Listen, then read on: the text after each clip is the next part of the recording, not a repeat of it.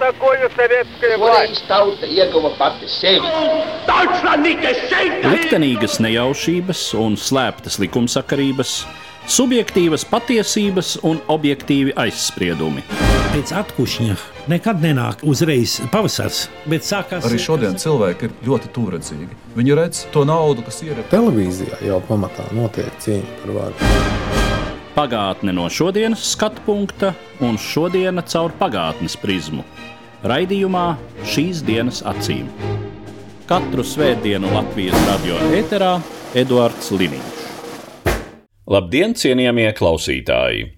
5. martā apritēja 70 gadi kopš padomju diktatora Josifa Staļina nāves 1953. gadā. Vadīdams Padomju Savienību 30 gadus, Staļins uzbūvēja masu represijās, terorā un propagandā balstītu sistēmu, kuras noteiktās politiskās domāšanas sekas joprojām jūtamas šodienas Krievijas iekšpolitikā un ārpolitikā. Šodien piedāvāju jūsu uzmanībai Staļina dzīves finālam veltītu sarunu ar vēsturnieku Latvijas Universitātes profesoru Ilgvaru Butuli.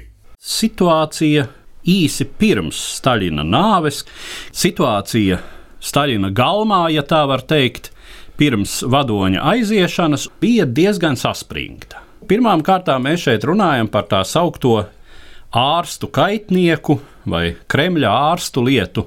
Tā ir saistīta ļoti cieši ar antisemītismu kampaņu, kas izvērtās gan Padomu Savienībā, gan Padomu Savienības satelītu valstīs, Austruma Eiropā.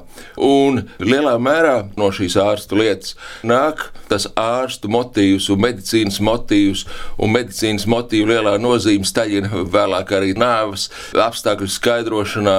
Kaut gan šeit uzreiz ir jāsaka tā, ka vispār par staļina veselību šie avoti un šie materiāli tādu ticamu ir ārkārtīgi maz, un lielā mērā tie ir kaut kādi pārstāsti, kaut kādas norādes, bez atsaucēm, kaut kur kādi dokumentu fragmenti. Te lielā mērā ir tieši interpretācijas jautājums, kā uz to visu skatīties un kam ticēt un kam neticēt. Vai Staļina ārstēšanas lieta, kāds žurnāls ir saglabājies? Jā, es runāju par to kādreiz ar savu labu paziņu un draugu, krievu vēsturnieku Borisu Sokolovu. Tad viņš teica, ka viņš ir skatījies Staļina slimības vēsturi, bet tas ir varēts redzēt, ka šī vēsture ir labota. Ja ir aizlīmēts, ir plēsts, ir labots, tad vēsture tādu vai citādu iemeslu dēļ ir uzlabota. Un interesanti, ka ne tikai kas attiecas uz tieši šo Staļina nāves gadījumu, bet arī jau līdz tam.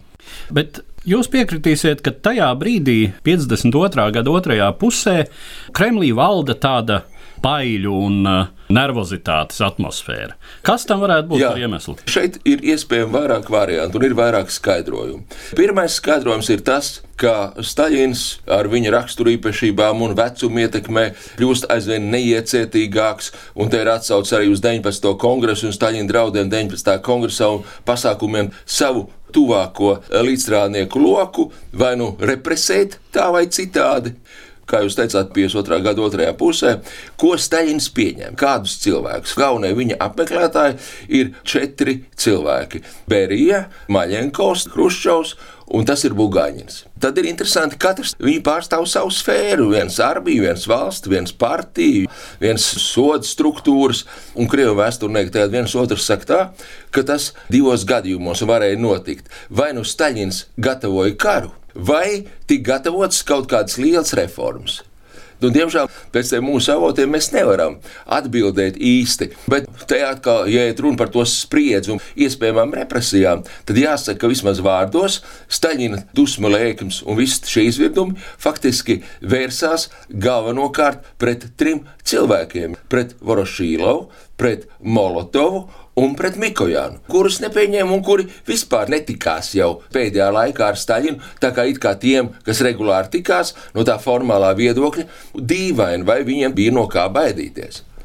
Līdz ar to izskanējusī versija par iespējamu Staļina noslepkavošanu, noindēšanu visdrīzāk. Ir trīs varianti. Ja mēs mēģinātu pārcelāt ar visām detaļām, to vismaz būtu desmit reizes vairāk. Viens, tātad Staļins ir noindēts, jeb katrā ziņā fiziski likvidēts, un otrs ir Staļins nav noindēts, bet Staļinam nav sliegt laikā palīdzību, gaidot, teiksim, lai jau nebūtu vairs nekas līdzams, un trešais, ka Staļins vienkārši ir miris savā nāvē, ņemot vērā arī viņa gadus un spožo veselību, un daudz neizskaidrojamos sīkums un tās lietas, kas ir neapšaubām saistīts ar šīm dienām. Tas skaidro ar tradicionālo krievisku padomisko haosu, ar to, ka tagad nav vairs vadonis, ka valda arī vispārējais apjukums, salīdzina to arī ar kara sākumu. Pirmais variants - Abdurrahmans Autorhānovs, kas par to runāja, tas ir trimts autors no Padomju Savienības kādreiz emigrējušais Staļins, faktiski paliek bez saviem tuvākiem, uzticamākiem, šī apkalpojošā un aizsargājošā personāla, protams, bez sava ilgadējā sekretāra un labās rokas Poskrebiševa kuru aizvāc jau 52. gadā, un paliek bez Staļina apsardzes priekšnieka Vlasika. Otrs moments, un kas it kā Berijas virzienā māja, tas ir Staļina meitas Alilujevs, teiksim, norāda, ka Berija bija ārkārtīgi priecīgs, kas arī diezgan dīvaini. Kas vēl ir interesanti, ka šie Staļina sargi, tuvāk, kas tur ir bijuši, divi izdara pašnāvību un divi nozūd. Protams, ir nesakarīgas tās atmiņas, un arī tāds diezgan dīvains, ko sniedz Losgačovs un Starosčins 90. gados divi šie staļi miesas sargi. Un šeit, protams, ir no tīri medicīnas, kā, kas ir galvenais arguments tātad šiem staļi nāvas variantu aizstāvjiem, ka šīs pazīmes lielā mērā ir nevis raksturīgs insultam, bet raksturīgs ir, kad cilvēks ir indēts. No šejienes skaidro to, ka ar katru dienu, sākot no 2. līdz 5. martam, kamēr tiek vests šīs veselības biļetes, paliek ārstu norādes aizvien fragmentārāks un nerunā par lietu. Un vēl ir viens sīkums, ko pieķēra faktiski tikai viena krieva autora Pruņikova, ka ārstu liecībās ir tāds interesants moments, kad beidzot šie mediķi tika izsaukti otrajā datumā.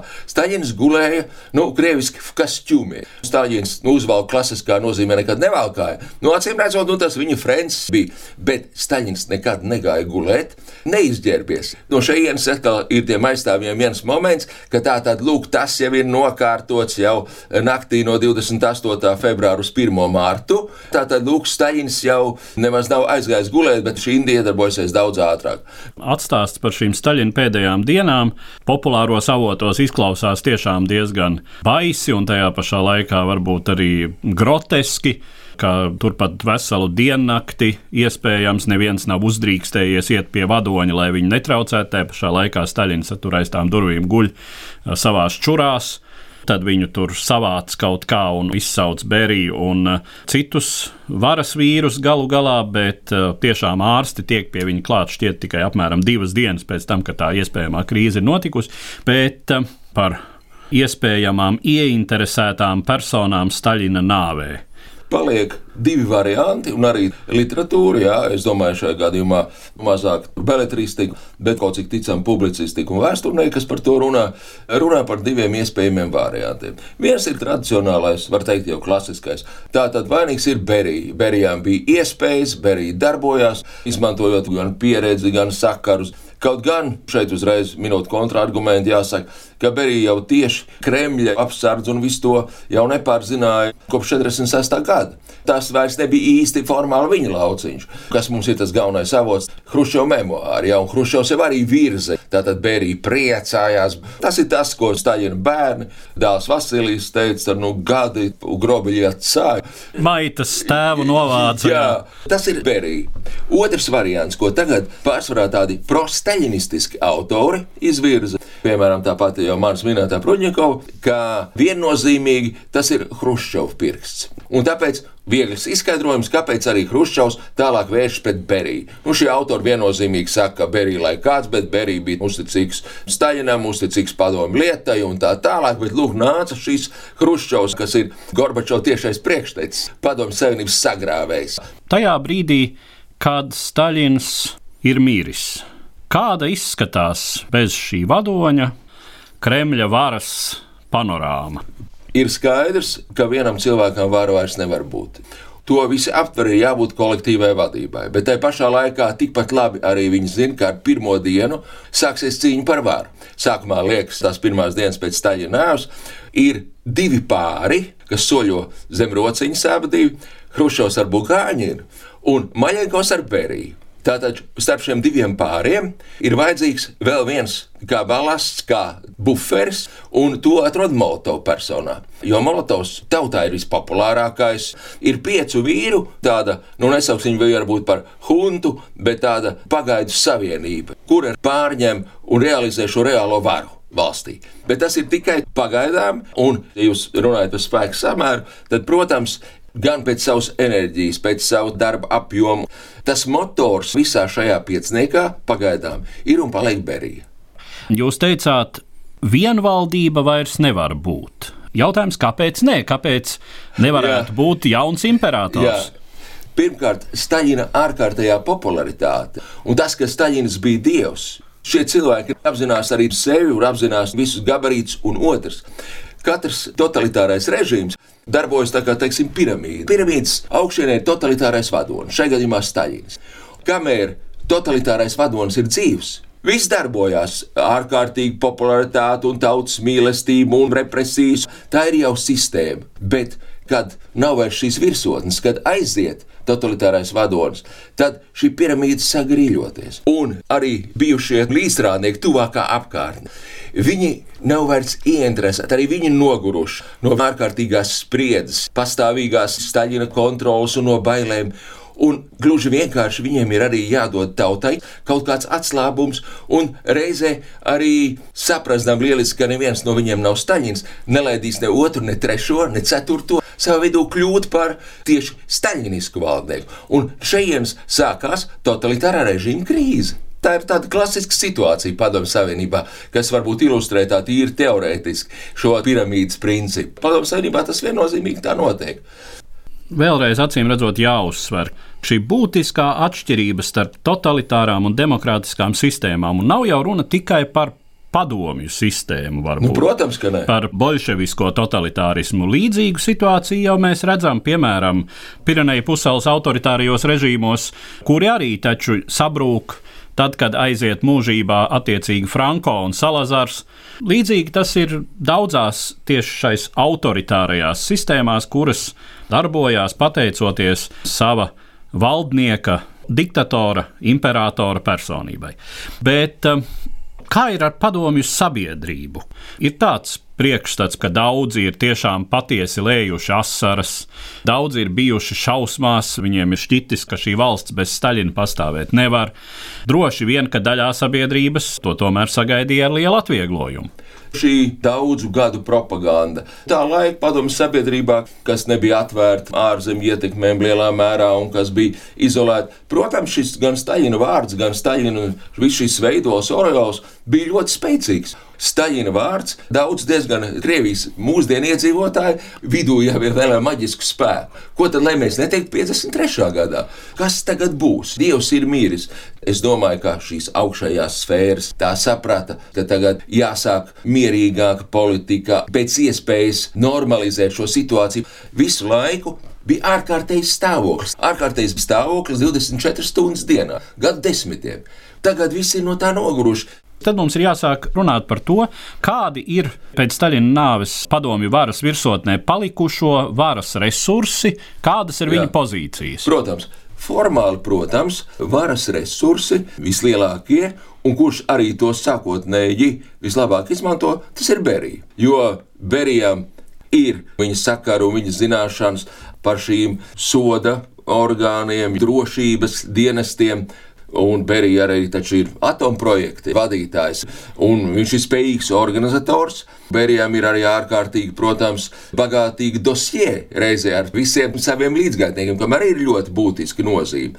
Bet Berija pātrināt grib šo procesu. Berija ir, teiksim, nepacietīgs cilvēks, ar dienvidnieku temperaments, grib, lai šīs lietas norisinātos ātrāk. Viņi roku rokā šķietam darbojas sākotnēji, tas ir Maļenkovs. Kā duets viņi ir ļoti spēcīgi. Bet, ja viens nav, otrs kļūst jau nespējīgs. Beigsies šis neizšķirtais moments.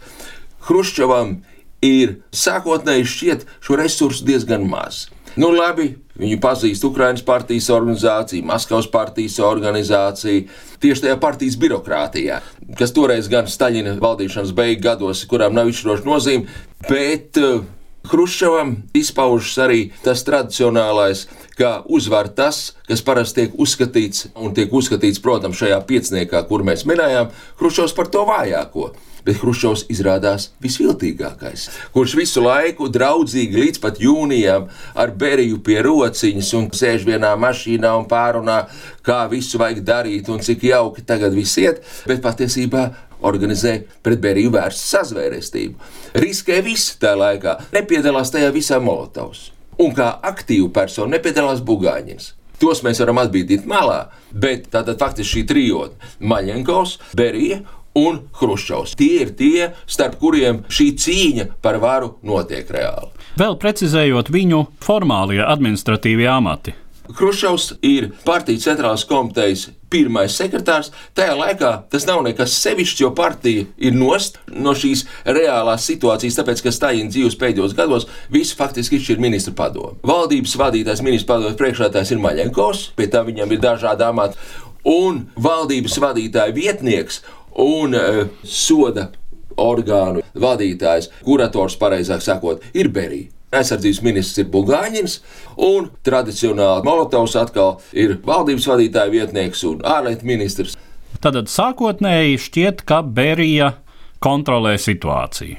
Jā, Tāpēc ar vēsturi ir interesanti, ka mēs nevaram izskaidrot, kā šis ļoti pieredzējušais, rafinētais, intrigās, sazvērestībās un tā tālāk šajā laikā uzticās saviem pagaidu partneriem, uzticās Maļenkovam un uzticās Hruščovam. Un faktiski pats neko nedara. Tas ir vēl interesantāk, jo nu, formāli Beriju apvainoja sazvērestības organizēšanā.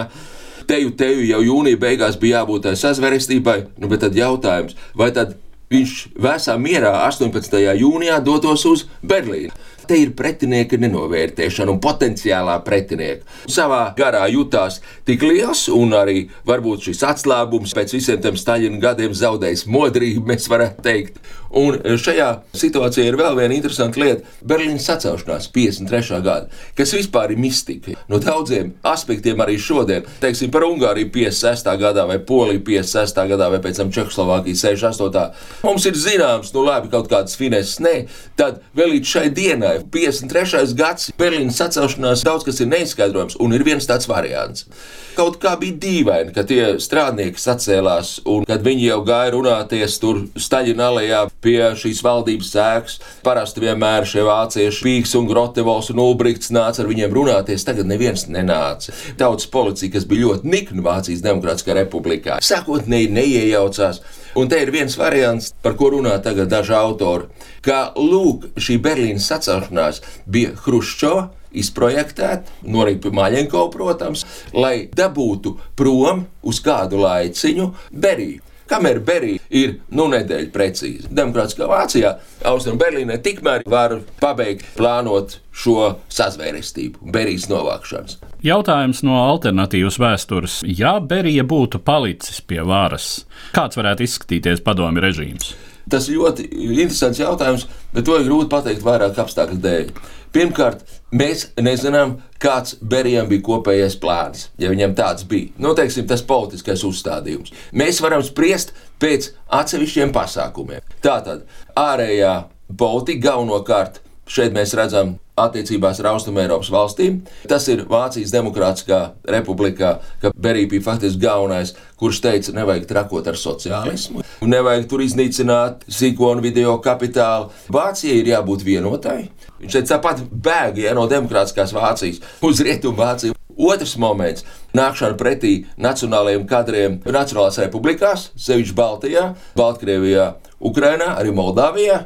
Nu, te varbūt ir tas, ka faktiski visā tajā virsotnē Berija vienīgais bija teiksim, tāds nekrievu. Ja? Nu, katrā ziņā neslāvs. Neslāvs, jā, un kurš spēja to saprast.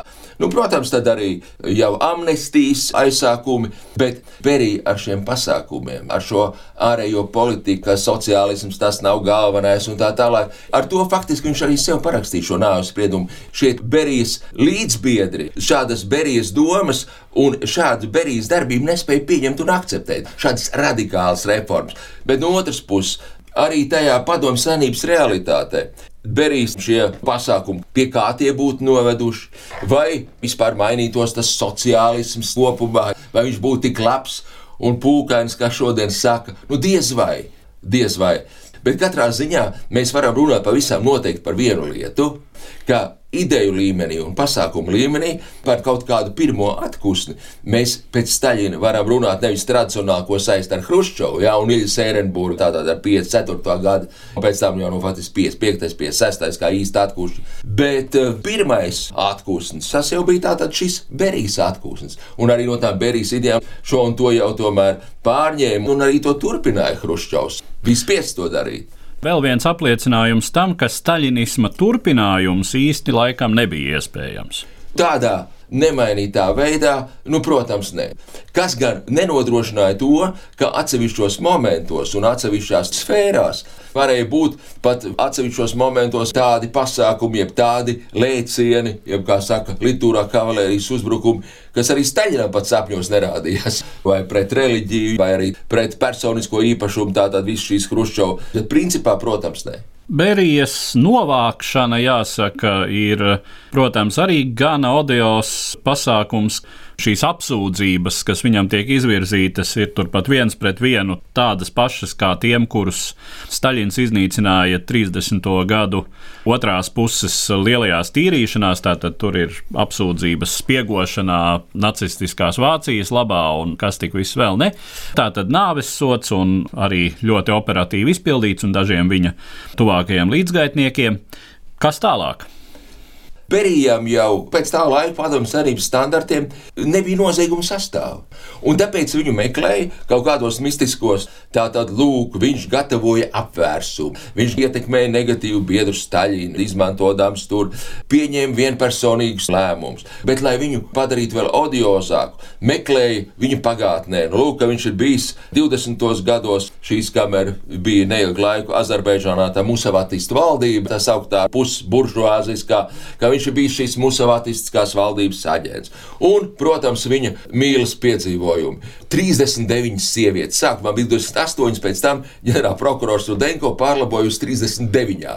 Šīs liecības, kā lai parādītu to izvirtušo Berijas raksturu, vienkārši tika konstatēts fakts. Jā, Berija izvaroja ļaunprātīgi, un tie ir apgalvojumi bez pierādījumiem. Berija bija jāiztaisa par monstru. Protams, uz Berijas sirdsapziņas ir uh, daudz dzīvības, tā ir katiņa, bet par to to laiku vispār nerunāja un nedrīkstēja runāt. Bet uz Hruščovu katrā ziņā ir vairāk. Ņemot vērā, kad viņš bija Ukraiņas sekretārs un uh, Maskavas. Kas pēc tam?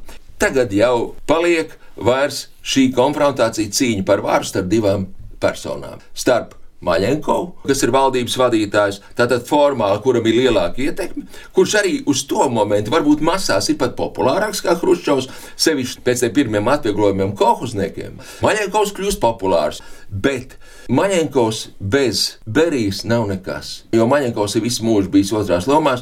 Maņenkovs ir tipisks aparāta cilvēks. Kaut gan salīdzinot ar Hruščovu, daudz gudrāks, intelektuālā ziņā stāv neapšaubām augstāk. Un daudzas Maņenkova idejas, ko viņš izvirzīja un kuras mēģināja realizēt, es šeit īsumā pieminēšu četras kādas. Maņenkovs bija tālu priekšā savam laikam, Padomu Savienībā.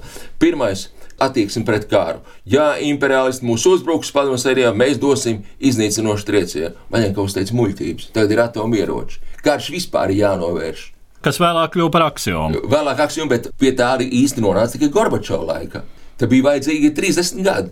Otrs moments attiecībās ar sociālām valstīm. Galvenais, ka mēs viņus kontrolējam ekonomiski, teica Maļenkovs. Palaidīsim viņus brīvāk, viņi tāpat nekur neaizbēgs. Trešais moments - arī lauksaimniecību saprātīgi attīstīt. Un šeit galvenais, kas jau ir 54. gadā domstarpības lielās, tas ir par neskartajām zemēm. Maļenkovs uzskats, un arī starp citu Molotovu, un kas droši vien bija prātīgāks, kas tagad notiek, visu tehniku un visas iespējas tikai uz Kazahiju, uz Altāju, jau uz jaunām zemēm. Bet kas notiek tradicionālos rajonos, Nemelnzemē? zemē, kas notiek, teiksim, Krasnodarā, kur bija labības rajona, tas vairs neinteresē. Un ceturtais. Pavisam noteikti iestājās Maņēnkovs par šīs militārās rūpniecības prioritāšu samazināšanu un vispār par smagās rūpniecības. Tātad uz kādu laiku izvirzītams, ka vieglai rūpniecībai, lai celtu tautas labklājību, ir jāpievērš lielāka uzmanība. Bet Hruščovam bija tāda resursa, kāda nebija Maļenkovam. Pirmkārt, Hruščovs bija daudz veiksmīgāks populists. Maņēnkovs tāds nebija. Bet, lūk, iet tautā skaidrot un Ar tupeli pa tribīni. Jā, tā bija Hruškovs stihija. Un otrkārt, Hruškovs tagad jau partijā ļoti prasmīgi darbojās, veidojot sev šajos partijas dažādu mēroga vietējos republikāniskos rajonu apgabalu bosos, veidojot sev ļoti lielu atbalstu šais partijas funkcionāros. Un 55. gadā faktiski tā, tā šī cīņa starp Maļenkovu un Hruščovu viennozīmīgi beidzas ar Hruščovu uzvaru. Maļenkovs viņš tur ir elektrostaciju ministrs un paliek arī tajā vadošajā virsotnē, bet viņš vairs, protams, nav šī persona, kas pretendē uz šo vadošo stāvokli valstī. 1957. gadā, kad notiek vasarā jūnija jūlija plēnums, tad tas ir pēdējais mēģinājums, un sākumā šķietam veiksmīgs, aizvākt Hruščovu no partijas vadītāja amata, neko nedarīt, iedot viņam lauksaimniecības ministru, jo Hruščovs visiem ir apnicis, Hruščovs ir visiem sariebs.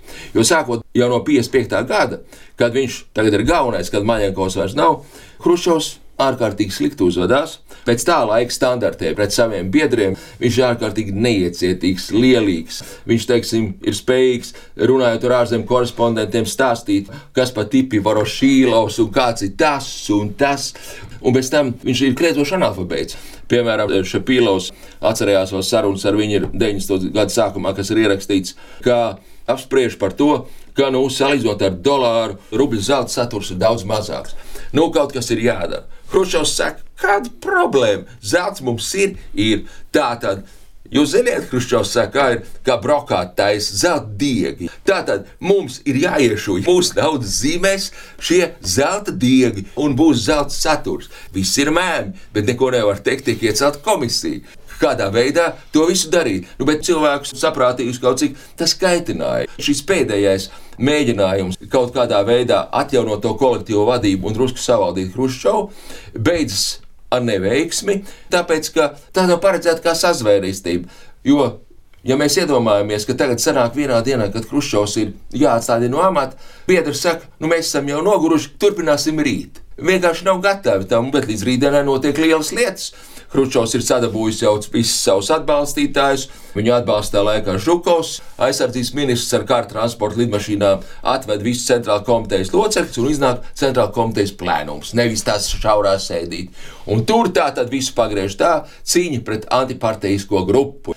Lūk, antiparteiskā grupa, Molotovs, Kaganovičs un Maņenkovs. Un Viņiem pieslēdzies šie pīlaus. Ir pirms knūkšķīgi ņem šie pīlaus. Tā tas visur tiek formulēts dokumentos. Un tad līdz 64. gadam tad jau ir Hruščovs tāds pilnīgi vienvaldības periods. 56. gada partijas 20. kongresam un um, staļinisma atmaskošanas momentam. Kāda tam ir loma Hruščova varas nostiprināšanā? Jā, protams, tam ir liela loma Hruščova varas nostiprināšanā. Un kas ir svarīgi, Hruščova popularitātes nostiprināšanā. Bet šeit gan mainās varbūt arī tās prioritātes. Tātad ar 56. gada Staļina atmaskošanu nevar teikt, ka Hruščovs kļūtu populārāks. Viņam būtu vairāk atbalstītāji, varbūt augšējās sfērās. Partijas. Tas ir skaidrs, kur viss ir saistīti. Tā vai citādi ar represijām un ar Staļina valdīšanas stilu. Nevar teikt, ka Hruščovs ar to kļūtu populārāks arī to prostaļinistisko sociālisko valstu vadītāju, arī tās augšējās virsotnes vidū. Noteikti nē, bet Hruščovs ar to kļūst ļoti populārs inteliģences vidū. Jaunās paudzes varbūt, bet tas, protams, varēja arī pret viņu pašu kaut kā vērsties.